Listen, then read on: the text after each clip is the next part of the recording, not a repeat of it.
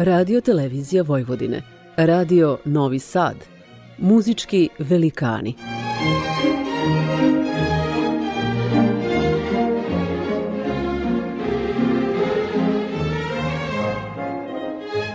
Urednik i voditelj Bogdan Đorđević.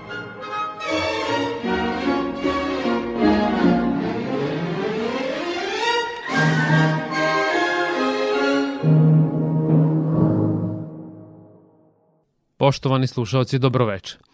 U emisiji posvećenoj orkestarskoj muzici slušat ćete izbor stavova iz simfonija Johannesa Bramsa. Na samom početku za vas smo odabrali prvi stav Un poco sostenuto, Allegro, iz simfonije broj 1 u C molu opus 68, premijerno izvedene 1876. u Karlsruheu. Iako je Brahms započeo komponovanje još 1854. njemu su bile potrebne čitave dve decenije da bi od skica stigao do završne obrade. On je najpre svoju prvu simfoniju pisao u D-molu da bi nakon korenitih promena tokom stvaralačkog procesa doneo odluku da kompletno delo pretoči u koncert za klavir i orkestar u tom tonalitetu. S obzirom na to da su ga samokritičnost i izbirljivost često navodile da uništi mnoga svoja dela, Brahms je uspeo da završi svoju prvu simfoniju kada je napunio 43 godine. Naime, Mozart je imao 8, Schubert 15, Schumann 22, Mahler 28, Beethoven 29 godina pri objavljivanju partitura simfonije pod rednim brojem 1. Muzički svet je nestrpljivo iščekivao Brahmsovu simfoniju u periodu dok su njegovi savremenici Čajkovski i Dvoržak već uveliko imali uspeha u ovom žanru. Ovaj stav u mnogome nas podsjeća na sadržajnost Beethovenove pete simfonije, takođe iz C mola, koji se Brahms divio u periodu kada je krenuo stopama ovog slavnog kompozitora. U vrtoglavoj temi koju izvode violine, Brahms prizivajući sudbinu preko napregnutih stanja prkosa i otpora, vodi nas pulsirajućim ritmovima ka nespokojstvu i očaju. Pred vama su sada berlinski filharmoničari i dirigent Herbert von Karajan. Yeah.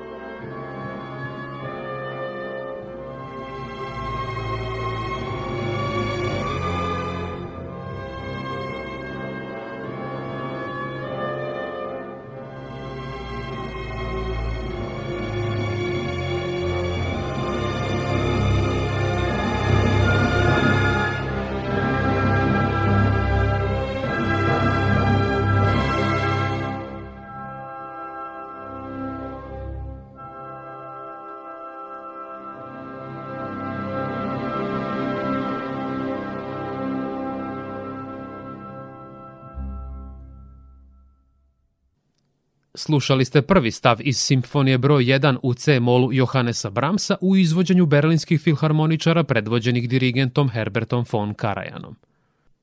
U okviru ovog dramatičnog stava pretežno mračnog raspoloženja mogli ste uočiti i kontrastnu drugu temu sanjalačkog karaktera koju izvodi oboa. Spomenut ćemo još i to da ljubitelji klasične muzike s pravom ovo delo proglašavaju Beethovenovom desetom simfonijom. Prelazimo sada na sledeće orkestarsko delo Johannesa Bramsa u emisiji Muzički velikani na prvom programu radija Radio Televizije Vojvodine. Slušat ćete četvrti stav Allegro con spirito iz simfonije broj 2 u D duru opus 73 iz 1877. Ovaj finalni stav svojim živahnim i razigranim karakterom predstavlja konvencionalnu orkestarsku fantaziju. U njoj posebno pleni druga tema marševskog prizvuka, nakon koje nas kompozitor dovodi do finalnog vrhunca. Na samom početku uvodna tišina i spokoj iznenada se prekidaju usklikom, nakon kojeg sledi herojska transformacija ovog završnog stava, koji će samo na momente biti prekinut umilnim interludijumima u vidu kraćih predaha. Kada je u pitanju Johannes Brahms, navešćemo i jedan paradoks – Prva simfonija je nastala posle dugih godina borbe sa samim sobom, a njegova druga tokom samo nekoliko meseci letnjeg raspusta na jezeru Perčah u dodiru s prirodom. U narednim minutima slušat ćete bečke filharmoničare pod dirigentskom palicom Leonarda Bernsteina i četvrti stav druge simfonije Johannesa Brahmsa.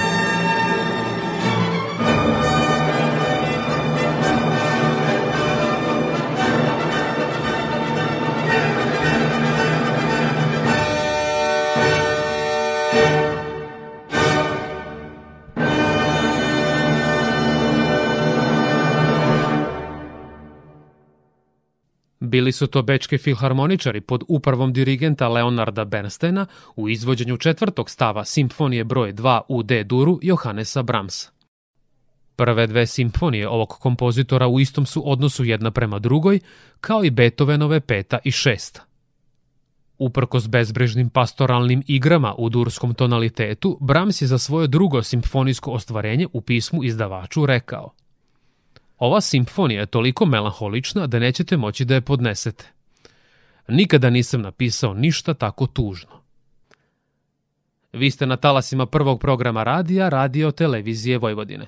U nastavku emisije Muzički velikani koji smo posvetili orkestarskoj muzici Johannesa Brahmsa, slušat ćete drugi stav Andante iz simfonije broj 3 u F-duru opus 90 iz 1883.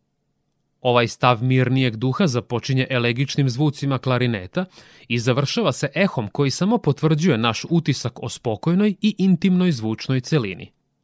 Brahms je treću od svoje ukupno četiri simfonije napisao tokom boravka u Wiesbadenu, šest godina nakon završetka druge. U tom periodu su nastale neke od njegovih najznačajnijih kompozicija, među kojima su drugi klavirski koncert, akademska i tragična uvertira, kao i koncert za violinu.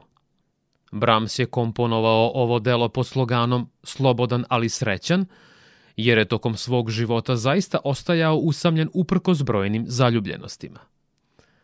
Klara Schumann, s kojom je bio u bliskoj vezi, komentarišući tematsku povezanost ovog dela, rekla mu je da za nju svi stavovi ove simfonije mogu stati u samo jedan otkucaj srca. Kroz živopisne orkestarske boje, ritmičku i metričku fleksibilnost vodit će vas sada bečki filharmoničari i dirigent Sir John Barbiroli. Slušamo drugi stav iz simfonije broj 3 Johannesa Brahmsa.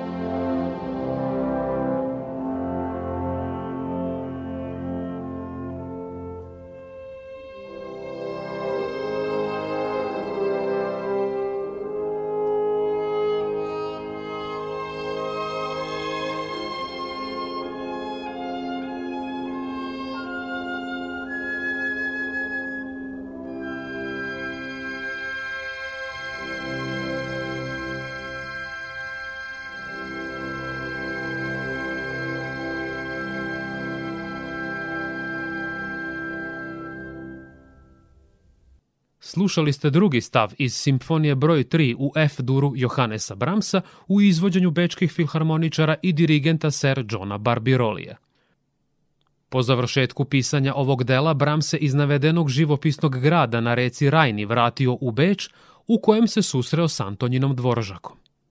Odsvirao mu je tada za klavirom fragmente nove simfonije, za koju je njegov kolega iz Bohemije rekao da prevazilazi prve dve, ako ne po veličini i moćnoj koncepciji, onda svakako po lepoti i veličanstvenim melodijama. U poslednjem segmentu emisije Muzički velikani na prvom programu Radio Novog Sada, koju smo posvetili orkestarskoj muzici Johannesa Bramsa, slušat ćete prvi stav Allegro non troppo iz simfonije broj 4 u E-molu opus 98, nastale 1885. U ovom stavu širokih epskih i melaholičnih melodija kompozitor nam dočarava jesenje raspoloženje. Uprkos početnim buntovnim taktovima prve teme, koju izvode drveni duvači i horne, a potom i druge, po karakteru izrazito muževne u zvucima violončela, kompozitor nas vodi ka kulminaciji koja ne predstavlja borbu, već slogan Memento mori. On ljude opominje da su smrtna bića i da treba život da prožive najbolje što mogu. Ipak i ovo delo izaziva oprečne stavove muzikologa – Njihova tumačenja razlikuju se po tome što se najzrelije Bramsovo simfonijsko delo tumači i kao kompozicija presvučena koprenom sete, tipičnim elementom njegove naravi koja kao da nam govori o prošlosti i prolaznosti. Poštovani slušalci, približavamo se samom kraju emisije. Moje ime je Bogdan Đorđević i do našeg sledećeg susreta utorkom posle vesti u 21 čas na talasima prvog programa radija Radio Televizije Vojvodine. Slušat ćete bečke filharmoničare i dirigenta Karla Mariju Đulinija.